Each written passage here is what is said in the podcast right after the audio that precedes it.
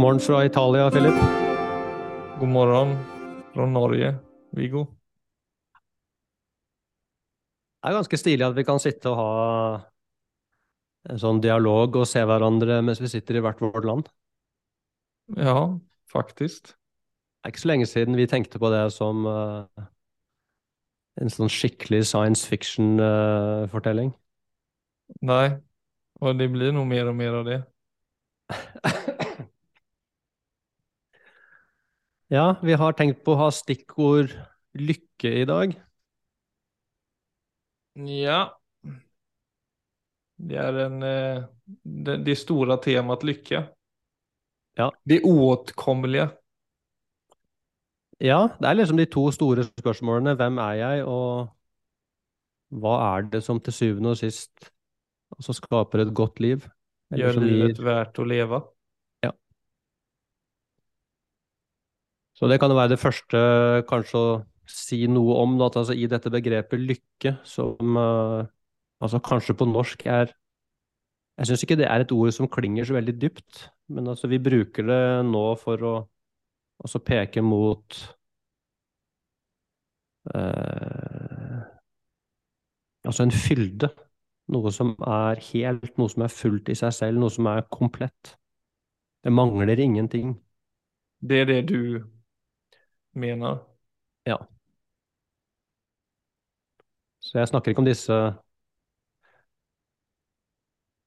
altså sånn korte glimtene, liksom. Altså denne tilstanden som kommer og går, men det er noe dypere. Altså det Så vi tenkte vi kunne ta utgangspunkt i at det er noe de sier i buddhismen. Eh, De sier det også i yogafilosofien. Det er at dypest sett, alt vi gjør, altså vi mennesker, hvert eneste valg vi tar, alt vi gjør, gjør vi fordi vi søker lykke. Mm. Men da mener de da altså den fylden. Noe som, eh, noe som er fullt, noe som er helt Men i en eh, hektisk vardag så kan man oversette det i at man søker bare et bedre tilstand. At det på en måte er en...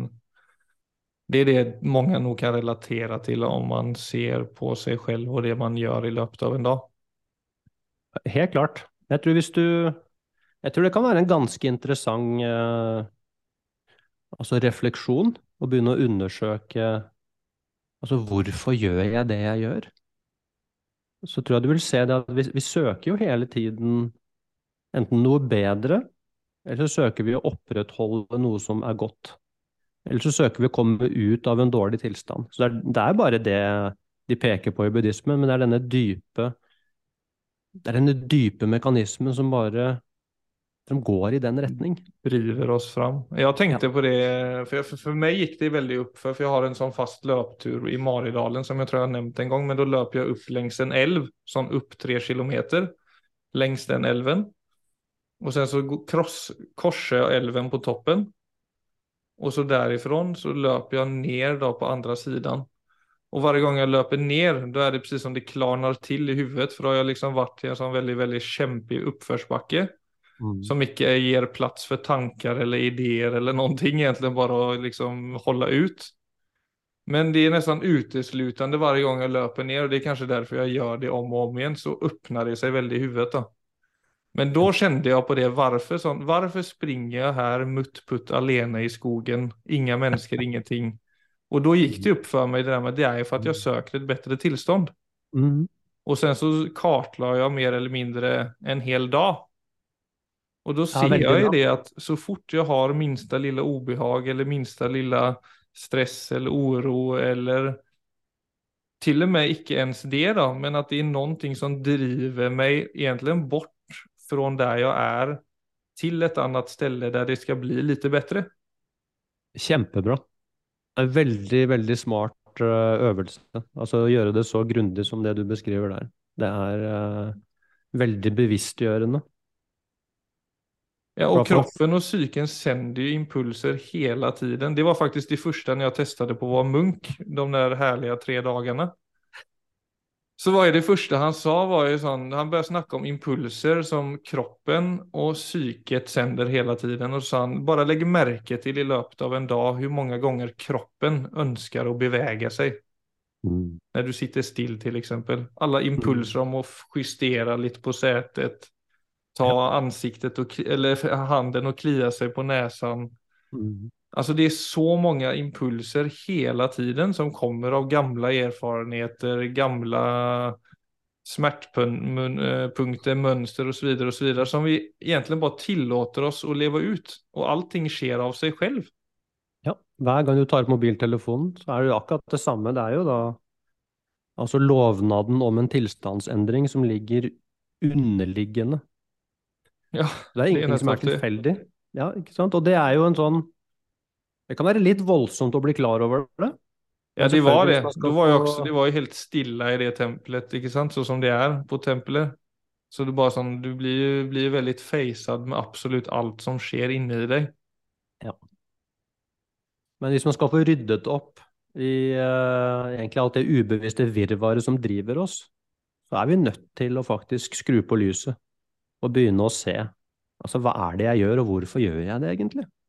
Og hvor mye av dette velger jeg, og hvor mye av dette er bare automatikk, hvor jeg egentlig bare følger med. Det er nettopp det. Og den automatikken er jo ofte veldig overfladig, Så jeg føler jo aldri, så fort jeg bare lever på automatikk og blir med på alle kroppslige og psykiske impulser. Så vil jeg aldri heller kunne etablere ro og ta bedre valg. val. Och det var det som blev så viktigt för mig. Okej, jag kan inte agera på absolut alla impulser. För väldigt mycket av dem kommer ju på grund av stress eller oro. Ja. Och då, ja, och då... Så det var ju någonting som var väldigt klargörande för mig. Att när jag börjar agera annorlunda på de impulserna. Då kan liksom kroppen falla till ro. Jag kan få nya insikter, nya perspektiv. Alltså du bryter ny mark genom att icke bara gå på automatik. Og da kommer jo den uh, Altså, en ting å legge til her, det er hvis man skal begynne å studere seg selv på den måten, da er det utrolig viktig å huske på at det blikket jeg har på meg selv, det må være helt fritt for dom. Det må være et kjærlig blikk.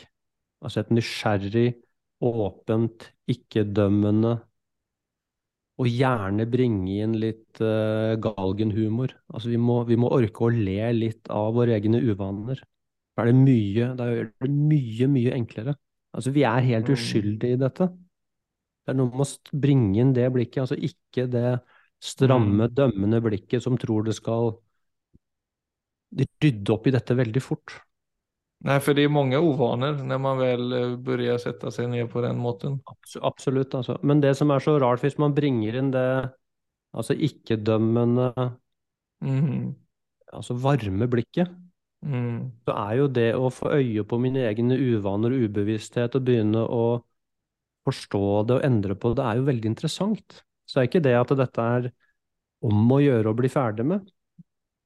Det, det er et interessant liv å altså, bruke livet til å reflektere over seg selv. Det er, det er, det er i seg selv et godt liv.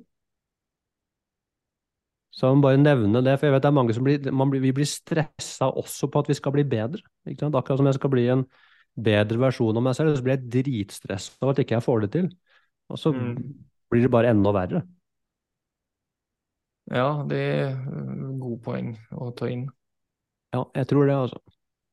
Ikke sant? Men sånn som du sier da, Philip, du har liksom begynt å kartlegge det greiene der. For da kan man jo begynne å se sånn, av de tingene jeg driver med hele tiden, hvor mye av dette gir meg virkelig glede? Og hvor mye av dette er bare sånn som å spise potetgull? Ikke sant? Det er bare automatikken sånn back, back, back, back, back, back, til slutt er du kvalm. For da kan du begynne å se sånn For det jeg dypest sett søker, er jo noe som at jeg legger meg hver eneste kveld med en god følelse i kroppen over at jeg, eh, dette var en god dag. Da tok Mm. jeg gode valg for meg selv. Jeg ble ikke bare lurt av masse sånne falske løfter. Jeg bygger nå faktisk en grunnmur som er solid.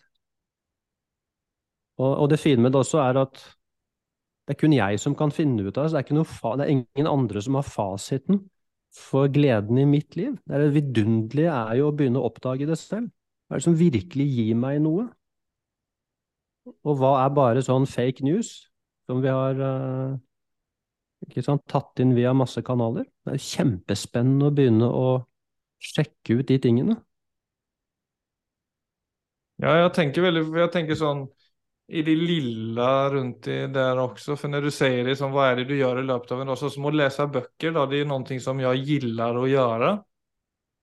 Men for at jeg har levd et moderne liv og fått en Låt meg uttrykke det fuckad oppmerksomhet litt mm. med, med tiden her nå. Så kan jeg legge merke til at jeg sliter med å holde oppmerksomheten på plass når jeg leser. Og nå har jeg begynt sitte ute, for nå har jeg, vi har sånn kveldssol på uteplassen. Mm. Så da har jeg begynt legge meg ute nå två timer cirka, sånn mellom åtte og ti de siste dagene, med en bok. Mm. Og da når jeg legger, setter meg, og da kan jeg også bare legge merke til at jeg, jeg bør komme litt inn i det der lesemoduset som jeg kan gille, men jeg kan fortsatt merke at oppmerksomheten ikke er helt på plass. Men så kan jeg mm. legge merke til små impulser, da, om jeg kan uttrykke det som å dra i kalsongene, til eksempel, at det er noe som mm. ubehagelig. Mm. Eller eh, att jag kliar mig någonstans fort. Som jo også kan være signaler på at man har en dårlig oppmerksomhet, litt stress i kroppen osv. Men de, de gångene jeg legger merke til og egentlig bare anerkjenner ok, nå er det en impuls, og den impulsen trenger jeg ikke leve ut, og den følelsen kan faktisk endre seg. Hvis jeg bare vender oppmerksomheten tilbake til å lese og låter det kliandet eller den ubehagelige følelsen i kalsongen eller underbyxorna som kalsonger syns mange nordmenn er litt morsomt ord har jeg skjønt. Eh, men at eh, og, og, og, når jeg da ikke på en måte tar, går med den impulsen og retter på kalsongene, så kan jo den følelsen gå bort. Og da er det akkurat som jeg sjunker litt mer inn i ro, sjunker litt mer inn i en forankret oppmerksomhet men hvis jeg ikke er obs på at det er et system som hele tiden kjører, så vil jeg på en måte hele tiden holde meg litt der stressen er. Ja. Så lenge jeg blir med alle de impulsene. Og jeg tror så som for alle moderne mennesker, bare jeg ser meg rundt, så ser jeg jo at er det én ting folk kjenner på, så er det stress og uoppmerksomhet. Klart det. Så de små tingene, da, å bare legge merke til sånne saker og låte den følelsen få være der så lenge den vil, og vende oppmerksomheten tilbake. Og det er jo ingen voldsomme følelser, så det er litt enklere enn en kanskje sterk angst eller en tungt depressiv følelse. Men det er interessant for min del hvor som, som jeg er en person med angst, så det er interessant for min del å se hvor etablerende på en god måte sånne små grep kan være også for min angst. Absolutt. Det blir jo akkurat det samme som i meditasjon. Det er at man trenger Altså, det er en fantastisk god øvelse, og, og det er veldig fint å, å minne folk også på at man kan gjøre det på alle ting, også når man leser en bok. Jeg trenger ikke følge alle impulser som dukker opp. Det er jo en utrolig oppdagelse å se at det kan, det kan dukke opp en impuls til å både gjøre det ene og det andre, og se den kan få lov til å brenne ut uten at du trenger å følge den. Mm. For det er jo faktisk det Det syns jeg var veldig interessant når jeg så dette, denne forskningen på uoppmerksomhet. Det er at de fleste distraksjoner kommer jo ikke fra omgivelsene, de kommer innenfra. Så det som hele tiden bryter oppmerksomheten vår, det er nettopp de tingene du snakker om der. Det er impulser som oppstår i kropp og sinn, hvor jeg blir avledet fra f.eks. å lese noe eller skrive noe eller utføre en annen oppgave. Så det er egentlig det indre stresset som gjør at vi hele tiden faller av. Mm. Så det å virkelig trene seg opp og ikke måtte følge alt, det er klart, det skaper jo en mye, mye dypere Du faller mye dypere inn i altså konsentrasjon og nærvær ja, når du tar den jobben. Ja.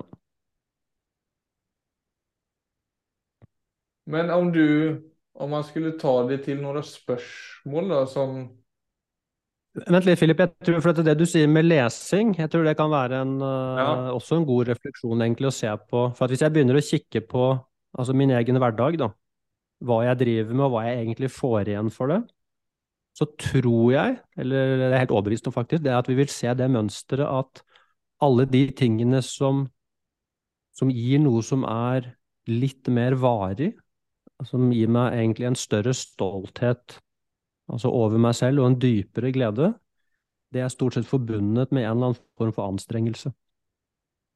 Så den mer varig, dyperegående gleden, den krever ofte litt mer av meg. Mm. alle de tingene jeg gjør bare for å endre tilstand, altså gratis og kjapt, Mm. det har også en tendens til å vare mye kortere. Mat og kaffe. Typ. Ja, skjermaktivitet, stappe noe i munnen, eh, et, et eller annet sånt som bare er Mm. Hvor jeg egentlig bare distraherer meg selv. Jeg prøver å distrahere meg selv inn i en bedre tilstand. Som jo funker til en viss grad. Ja. Men, men når jeg ser det med litt perspektiv, så ser jeg jo at det er et håpløst prosjekt. Og så kan jeg jo selv finne ut av hvor har jeg lyst til å begynne å jobbe, liksom? Hvor har jeg lyst til å sette grensa? Og igjen, ikke bringe inn noe sånn pekefinger eller moral eller noe sånne ting inn i det, men mer å heller føle inn i meg selv og se hva har jeg lyst til? Så kan jeg bygge det ut derfra, for vi, vi vil jo alle leve så gode liv som mulig. Så det er klart, det er jo stort sett ubevissthet som er problemet vårt, ikke vilje. Ja, men det är det som er så komisk da, da. folk, om, om det er en fellesterm i dag at folk er stressade og uoppmerksomme, så genererer det jo en følelse av at man har dårlig tid. Og samtidig så sier du at det som det, det krever av oss for å faktisk må bra på ordentlig, det er anstrengelse. Og det å ha en følelse av dårlig tid i kombinasjon med at noe skal, det skal mer til enn å bare slunke en svart kopp kaffe. Ja. Så vi er, jo, vi er jo, vi er jo på helt den andre siden mot hva vi- altså vi må, vi må, vi må gå en bit da. Ja, faktisk. Men jeg tror først må vi Jeg tror først må vi se. Og det øyeblikket jeg ser, så kommer endringen mye Ja, enklere. man vil ikke leve sånn. Nei, Eller det er litt det jeg kan kjenne på, at jeg kan ikke tillate meg å leve leva på den måten där. Det tror jeg egentlig alle kjenner. Hvis de tillater seg å kjenne ordentlig, så er det Altså et eller annet sted i oss så vet vi hva et menneskeliv er. Altså vi vet hva et godt menneskeliv er. Og, og i hvert fall vi i Norge, altså uansett, vi har plikter selvfølgelig og sånne ting, vi må jobbe og sånne ting, men det er jo Grunnen til at vi får dårlig tid, det er på grunn av uoppmerksomhet. Det er ikke på grunn av at kalenderen. er full. Så derfor er det mulig å gjøre noe med det. Men jeg må orke å se på mitt eget liv, og ta inn over meg hva jeg driver med, og så begynne å rett og slett bare rydde. Men när du säger att det är på- grund av uppmärksamhet och ikke en full kalender. Om vi ska utdjupa det lite så folk, för det är många som känner att de har fulla kalendrar och det är det som är problemet. Men så vet jag om, nu när jag har haft kurs, stresskurs, eh, att för många är ju det en form for multitasking som ofte er det største problemet. Ja. Alltså at du, du kan sitte i et møte samtidig som du har oppe en, chatt, en chattruta der du för Mhm. en annen dialog. Ja. Så at det har blitt en slags normalisering ved det å gjøre två saker samtidig. Ja. Og det er også en ting som da hele tiden bryter opp oppmerksomheten i kortere intervaller. Da får du den følelsen av at du ikke henger med, ikke sant. Altså det er 40 arenaer som du gjerne skulle vært på alle sammen samtidig. Det er klart du blir jo klin sprø i huet. Men hva gjør du da, da? Om du har en full kalender, hva skulle være ditt beste tips? Altså, jeg vil uh... Hvis du går til hjerneforskningen, da. For det er alltid godt for folk å få støtte i noe som er Så, så vi, vet vi det i dag, at det, det eneste som funker for hjernen vår, det er å gjøre én ting om gangen. Så det er noe med å få noen enkle prinsipper å forholde seg til. Det er at uansett hvor travel jeg er, og uansett hvor mye jeg har å gjøre, så er den mest effektive måten å jobbe på, det er å være ett sted om gangen. Mm. Og hvis man begynner å ta det på alvor, og ikke bare sånn ja ja, liksom, men altså begynner faktisk å integrere det og si ok, det skal jeg prøve ut på ordentlig, så vil du se det at det gir en større ro i kroppen. Så du får også en det er ikke sikkert sånn eh, rent objektivt at så mye endrer seg, men den subjektive opplevelsen din av tid og oversikt og ro og å være på plass, den endrer seg. Mm. Og det er den som er problemet stort sett i dag. Altså folk gjør, Vi gjør jo mer enn noen gang, men vi har likevel følelsen at det aldri er nok. Og den følelsen kommer bare av at vi hele oppmerksomheten stikker av gårde hele tiden til altså ting som, eh, som er utenfor vår kontroll. Mm. Jeg må hente det inn igjen. Så det er, den ene enkle tingen. Den andre tingen det er rett og slett å begynne å registrere. Hvis du sier nei, jeg har ikke tid, så ville jeg sagt sjekk ut hvor mange timer i uka du er på skjerm. Så tror jeg se, Det var voldsomt hvor mye tid du faktisk hadde til å være på skjerm. Og se hvor mye av det er egentlig nødvendig. Så man må jo også kikke på seg selv med et ærlig blikk. Hvor mye av det jeg gjør, er egentlig strengt nødvendig, og hvor mye av det er bare et indre driv.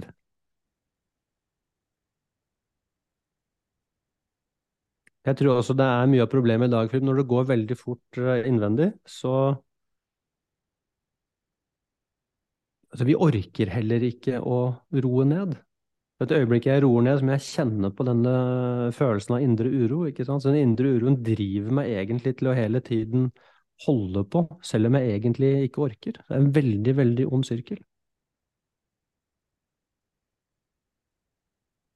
Ja, jeg skrev det, drar meg litt, for jeg satt og skrev på en dikt som egentlig ikke handlet så mye om dette, trodde jeg, men nå når du snakker om dette, så føler jeg at den handler veldig mye om det til en viss grad. For jeg merker innan jeg ble innan jag blev ett offer för ouppmärksamhet så hade jag tillgång på ganska djup rot i tider. Mm. Eh, men idag så kan jag liksom mer oftare känna att jag blir lite sån vilsen och icke på plats då. Mm. Och den dikten, jag kan, bara, jag kan bara läsa upp den här, det jag skrev, men jag, det jag tror det är, det är liksom symptomet som har träffat mig lite i den tiden vi lever i. Och det, det jag har skrivit var att jag känner mig väldigt stark och jag känner mig väldigt sårbar. Mm. Jag känner mig väldigt på plats och jag känner mig väldigt vilsen. Jag känner mig också väldigt glad, men jag känner mig också väldigt ledsen. Jag känner på allt och jag känner på inget. Och jag føler at de motpolerna som, jag, som egentligen var det jeg følte på når, når det dök opp i huvudet. Det tror jeg er en sånn noen ting jeg har tilgang på som er just den følelsen at jeg kjenner meg på plass. Mm. noen ting som drar meg helt ut til andre siden, der jeg kjenner meg veldig vilsen. Og så pendler jeg så klart inn i gråzonerna däremellan. Mm. Men at det ikke nødvendigvis så langt mellom de hoppen heller. Nei, det er en fin oppdagelse. Och det märker jag att den ouppmärksamheten spelar en väldigt stor eh, roll i. Mm. Att det går så fort mellan och Ja. från liksom glädje fortvilelse. Ja. Helt klart. Veldig fint. Og så er det noe med da å kunne se at sånn er faktisk sinnet, sånn at man trenger ikke lage det til noe stort problem heller. Det er bare å se wow, hvordan det skifter. Det i seg selv er jo utrolig interessant. Og det å og egentlig nesten kunne, ja, istedenfor å bli med i alle de skiftene, det er jo igjen det man trener på i meditasjon, det er jo å ta et skritt tilbake og bare observere hvordan det skifter i sinnet. Så det er akkurat som en jeg sitter i stillhet, men sinnet mitt holder på fra det ene til det andre, så ser man jøss, det er ikke så farlig. Jeg er heldigvis mer enn dette sinnet som går fra den ene tilstanden til den andre. Så det er jo der hvor den virkelige dype roen kan komme inn i livet, når man ser det at åh, vinden blåser, men jeg trenger ikke være i de vindkastene. Det er en kunstform tror jeg, for mange. Ja, det er nok det, men igjen, da, må, det må jeg bare si hver gang vi kommer inn på det, si at det er heldigvis innen rekkevidde for oss. Det er ikke rocket science. Det, det, vi er faktisk sånn. Ja, og et sånt mediumformat av det är just impulsträning upplever jag. Mm. När du Absolut. börjar lägga, för det, då växer också lite den blicken. Och den, det möjlighetsrummet som är att agera på ett nytt sätt än det automatiken Ja. visar oss. Ja. Så er det jo interessant, Philip, hvis du tenker på denne følelsen av altså Vi starta jo med lykke. Jeg vil jo si at alt vi har snakket om nå, dypest sett handler om det. Men det er noe med å kjenne altså, hva er det egentlig? Ja, hvis vi går til øyeblikk hvor vi kjenner at altså, Hvor det er fulle, hele øyeblikk. Det er ikke sikkert det varer så lenge, men det er liksom øyeblikk hvor vi kjenner at ah, nå, nå er det fullt. Det er øyeblikk hvor ikke jeg mangler noe. Det er ikke noe krav til at noe annet skulle skje. Det øyeblikket er fullt i seg selv. Så å sjekke ut liksom da Når er det de øyeblikkene kommer? Så er det, i hvert fall min erfaring, så er det at de sterkeste øyeblikkene av, av uh, virkelig glede, det er jo når jeg ser forbi meg selv. Det er ikke når jeg får tilfredsstilt alt det jeg syns jeg har behov for. Det, altså det er veldig hyggelig å få ting og få til ting og sånne ting, men altså den Men den virkelig dype, dype gleden, den kommer jo alltid Altså hvis jeg gjør noe jeg er veldig stolt av, hvis jeg går forbi mine egne hindringer, hvis jeg eh, Altså hvis jeg legger til side meg selv og bidrar til andre på en eller annen måte. Jeg tror også det er veldig nyttig å legge merke til, altså sånn for det jeg tror den virkelige gleden ligger et helt annet sted enn det altså, ja, veldig mye i den moderne kulturen prøver å fortelle oss. Så det var utrolig mye ubevisste antagelser om lykke som faktisk er feil. Og igjen så er dette med Det er kun bevisstgjøring som kan ta kål på det. Jeg må bli klar over det, altså helt Jeg må eie egentlig den erkjennelsen og se det er jo ikke sant. Det er jo ikke det, det jo ikke det som gir den dype gleden over å leve. Det er andre ting.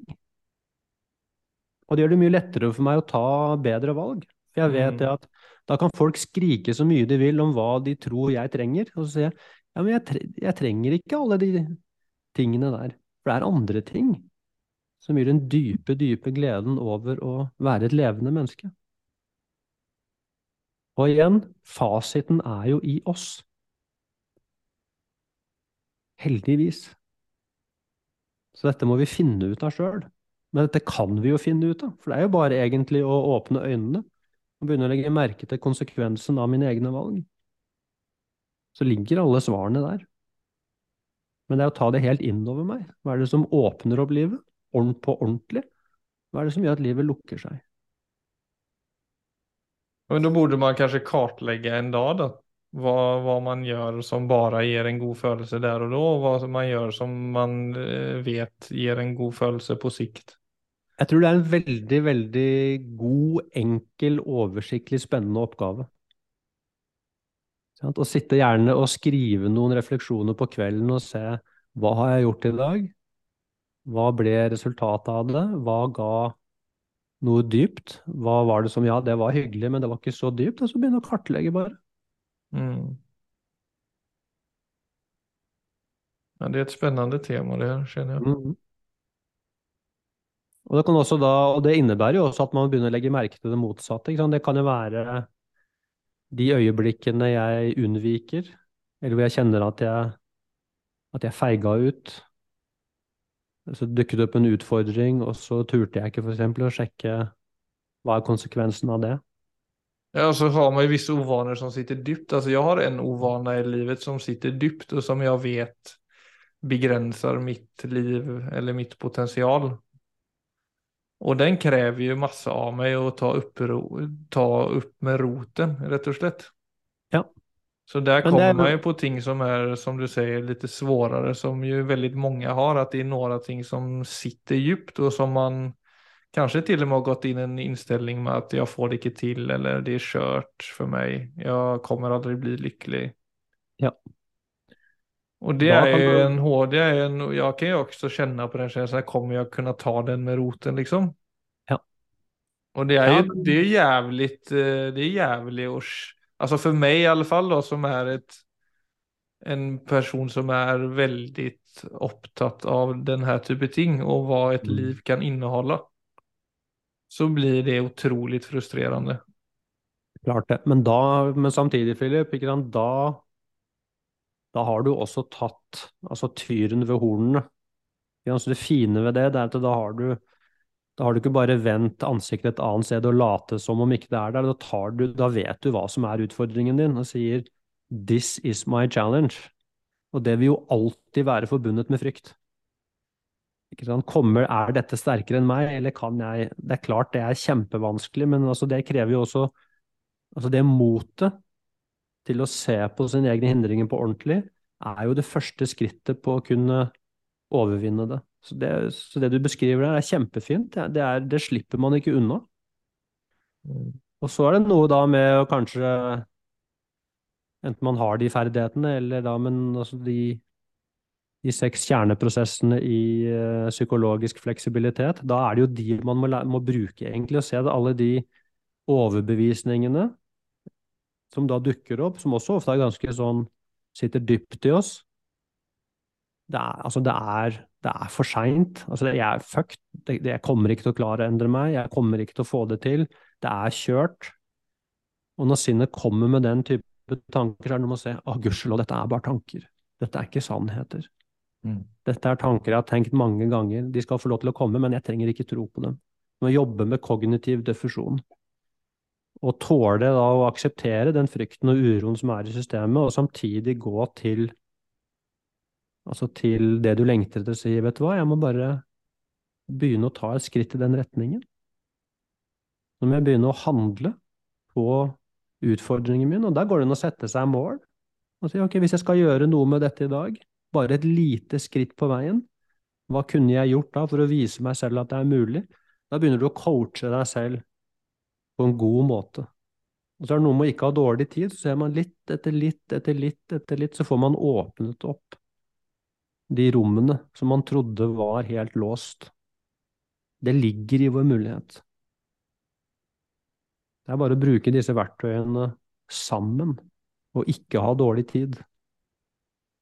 Og alltid huske det ikke dømmende blikket på seg selv, som også er en, en ferdighet og en vane.